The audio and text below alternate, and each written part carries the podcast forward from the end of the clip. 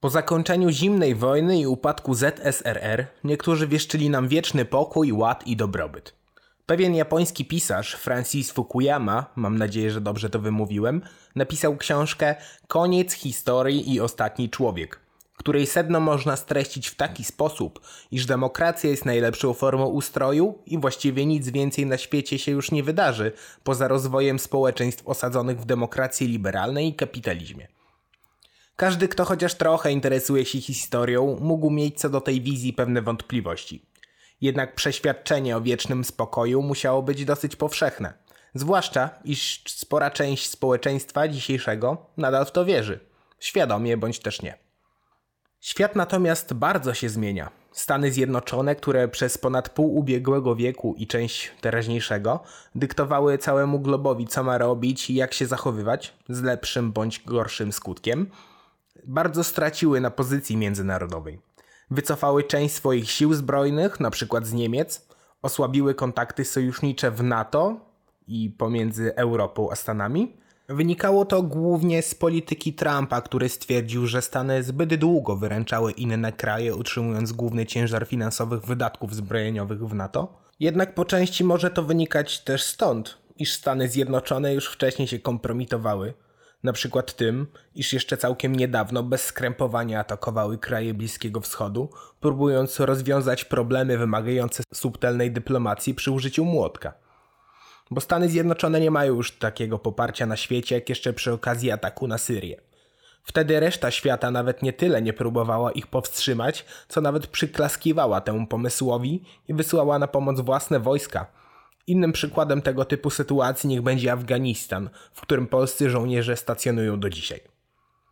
Oczywiście część osób powie, iż wojska te były konieczne, by wygasić pewne pożary, może to być prawdą. Jednak problem w tym, iż najpierw niczym czarna owca z OSP, najpierw sami ten ogień podkładali. Jednak kwestia ataku na państwa Bliskiego Wschodu, powodów, przebiegu i skutku to materiał na inny odcinek. To, co chciałbym przekazać, to to, że jednak historia się wcale nie skończyła, demokracja liberalna wcale nie przejęła na wieczność władzy nad światem, a raz ustalony ład wcale nie okazał się być ostatecznym. Stany Zjednoczone z pewnością nie będą chciały oddać pozycji światowego hegemona.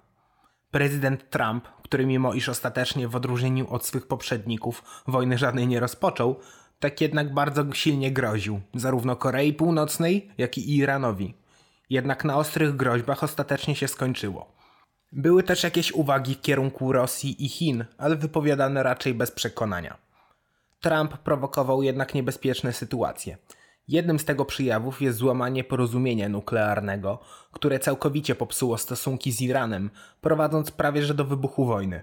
A Iran ponownie zaczął wzbogacać uran, co pozwoli mu w dalszej perspektywie czasu na stanie się mocarstwem nuklearnym. Dobrą decyzją było z pewnością natomiast zablokowanie budowy gazociągu Nord Stream 2, który został objęty sankcjami praktycznie na samym finiszu prac. Trump pogorszył również stosunki z państwami NATO, mówiąc o końcu bezinteresownej pomocy wojskowej i płacenie przez USA za bezpieczeństwo krajów Europy. Przykładem niech będzie słynny Fort Trump, który w Polsce jest uznawany za wielkie zwycięstwo rządu, a w praktyce jest porównywalne do kupienia przez jakiś kraj trzeciego świata za własne pieniądze bardzo drogich najemników z krajów rozwiniętych. Wielką niewiadomą będzie polityka Bidena. Z pewnością poprawią się stosunki Stanów Zjednoczonych z krajami Zachodu, co może niestety sprawić, iż Niemcy kupią sobie dobrymi stosunkami odblokowanie gazociągu Nord Stream – byłby to ogromny cios dla całej europejskiej suwerenności energetycznej. Może się również okazać, iż Stany, znane z kampanii militarnych, będą chciały przeprowadzić pierwszą kampanię ideologiczną. Może świadczyć o tym dobór doradców i siła nacisku otoczenia nowego prezydenta na tematykę światopoglądową. W takim wypadku może się okazać, iż Europa Środkowa zostanie postawiona pod ścianą. Są to jednak prognozy, które mogą się sprawdzić, bądź też nie. Z pewnością jednak w świecie zachodu narasta coraz większy podział społeczny. Wizualizacją tego niech będzie ostatni szturm na Kapitol po przegranych przez Trumpa wyborach, czy też wcześniejsza całkowita anarchia podczas burt po wygranych przez Trumpa wyborach w 2016 roku. W Europie dochodzi do podobnych sytuacji, jednak na o wiele mniejszą skalę. Gdy na Węgrzech Fidesz cieszy się wielkim poparciem, liberalna część opinii publicznej mówi o dyktaturze. Podobnie w Polsce dochodziło do protestów na ulicach po wygranej PiSu. Wycie lewicy rozlegało się również w całej Europie, gdy partie o profilu mniej lub bardziej, ale ogólnie konserwatywnym, uzyskiwały coraz wyższe wyniki. A co z tego wynika? Wbrew wizjom z lat 90. możemy zauważyć powolnie postępujący kryzys demokracji liberalnej, wewnątrz której narastają coraz większe podziały, a wyników wyborów nie szanuje już nikt. Przy jednoczesnym zapadaniu się Zachodu do środka coraz mocniej rosną inne siły na świecie. Jedną z nich jest siła Federacji Rosyjskiej, która nadal przez Polaków jest uważana za główne zagrożenie. Jest to po części prawdą, aczkolwiek Rosja przypomina dzisiaj bardziej zmęczonego olbrzyma, który straszy głównie groźbami. Nie jest jednak w stanie wyrządzić nikomu krzywdy, a jego realne działania ograniczają się ewentualnie do wzięcia kogoś pod protekcję, bądź też nie. Pokazuje to najlepiej sytuacja na Białorusi, gdzie Putin uratował Łukaszenkę przed obaleniem, wojna ormiańsko-azerska, gdzie Rosja biernie patrzyła na upadek Armenii, która chciała się wcześniej yy, od Rosji usamodzielnić, oraz tocząca się od kilku lat wojna w Syrii, gdzie Rosja wspiera co prawda prezydenta Bashara, ale jednak nie dyktuje ona warunków rebeliantom, których wspiera Turcja, a ogranicza się głównie do trzymania nad Syrią jako takiego rozejmu. Zagrożenie wojną hybrydową ze strony Rosji jest oczywiście nadal groźbą realną, ale również bardzo ograniczoną. Państwa bałtyckie, które są taką opcją wojny hybrydowej najbardziej zagrożone, są członkami NATO, a Federacja nie ma sił, by walczyć z całym NATO i w przewidywalnej perspektywie czasu nie widać, by mogła takie siły uzyskać. Wspomniałem o Turcji. To kraj, który ma drugą co do wielkości armię w NATO, to też kraj, który od kilku lat staje się coraz bardziej autorytarny, a jego polityka staje się coraz agresywniejsza. To kraj, który odrzucił przyjętą w XX wieku przez Ataturka do, doktrynę państwa świeckiego i staje się czymś na kształt strażnika islamu w dzisiejszym świecie. To kraj, który korzystając z ochrony Zachodu, bezkarnie łamie prawa człowieka, morduje Kurdów, prowadzi autonomiczną politykę regionalną i sieje ogromne zamieszanie w regionie. W Turcji odżyły imperialne ambicje. Coraz częściej dochodzi do zatargów z krajami ościennymi. Żołnierze tureccy wspierają silnie rebeliantów w Syrii i Libii. To głównie dzięki wsparciu Turcji Azerowie wygrali wojnę z Armenią. To turecki sprzęt wojskowy niszczy instalacje wojskowe innych państw bez, bez wypowiadania im wojny, a nikt nie jest w stanie im choćby pogrozić palcem. Turcja narusza wody terytorialne Unii Europejskiej, dokonując odwiertów w poszukiwaniu ropy na ich terytorium.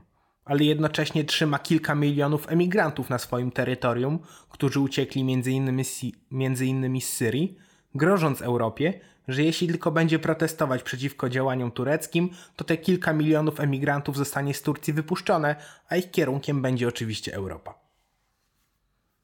Imperialne ambicje odżyły również w Chinach. Chiny jako fabryka świata, w której z powodu taniej siły roboczej inwestowały wszystkie wielkie firmy świata, w ciągu kilkudziesięciu lat ze średniowiecznego, zacofanego państwa, w którym miliony ludzi umierały z głodu, zmodernizowały się do państwa o uśrednionym standardzie życia porównywalnym z Polską. Jednak oczywiście o całkowicie innej specyfice.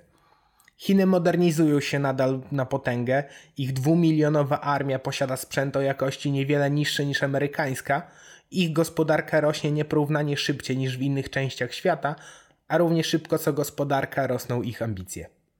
Chiny czują się regionalnym mocarstwem, prowadzą suwerenną, agresywną politykę i łamią międzynarodowe prawa.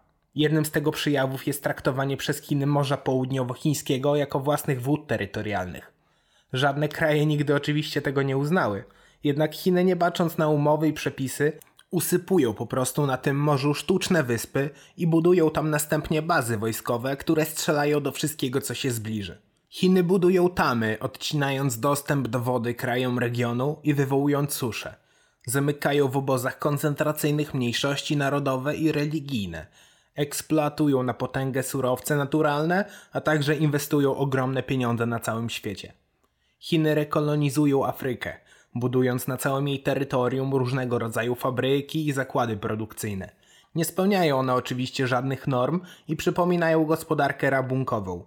Inwestują też w Europie, na przykład na Bałkanach, w Niemczech czy na Węgrzech.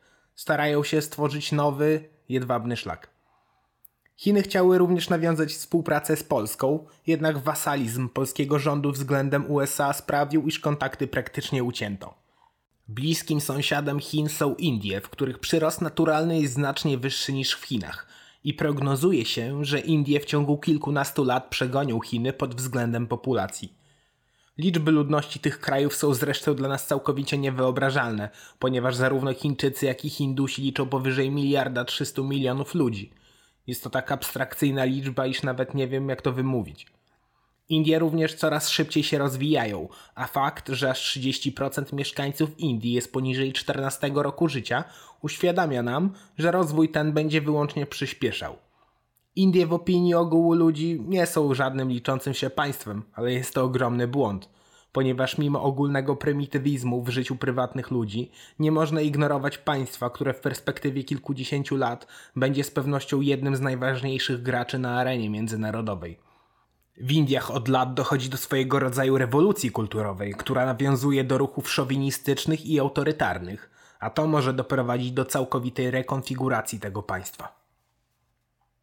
Prognozy o końcu świata możemy więc włożyć między bajki. Na świecie dzieje się coraz więcej, a ład, który miał być wieczny, pęka w szwach. Kraje demokracji liberalnej mają się coraz gorzej. Mają coraz większe problemy wewnętrzne, a opinia międzynarodowa, widząc to, zaczyna skręcać w stronę autorytaryzmu. Wizja świata, którą nadal społeczeństwo ma zakodowaną w głowach, ma coraz mniej wspólnego z prawdą. W momencie, gdy my kłócimy się o mechanizmy praworządności, Chiny bez żadnego sprzeciwu opinii międzynarodowej wynaradawiają Tybet. Gdy my kłócimy się o przyjęcie kilku tysięcy imigrantów, w Indiach rodzą się dziesiątki milionów nowych osób. Gdy my wydajemy noty protestacyjne o złym traktowaniu opozycji na Białorusi, Turcy mordują Kurdów. Europa musi wyjść z europocentryzmu. Musi zauważyć, iż świat nie kręci się wokół niej i musi w końcu zamiast nadal tworzyć podziały nowymi mechanizmami walki kulturowej, zacząć jednoczyć, by w perspektywie kolejnych lat być w stanie oprzeć się geopolitycznej rekonfiguracji i zagrożeniom, które nadchodzą. Dziękuję Ci za wysłuchanie odcinka podcastu Nowa Wizja Starego Świata. Zapraszam Cię do polubienia naszej strony na Facebooku i zostawienia komentarza. Możesz nas także znaleźć na YouTube oraz Spotify. Do usłyszenia już niedługo.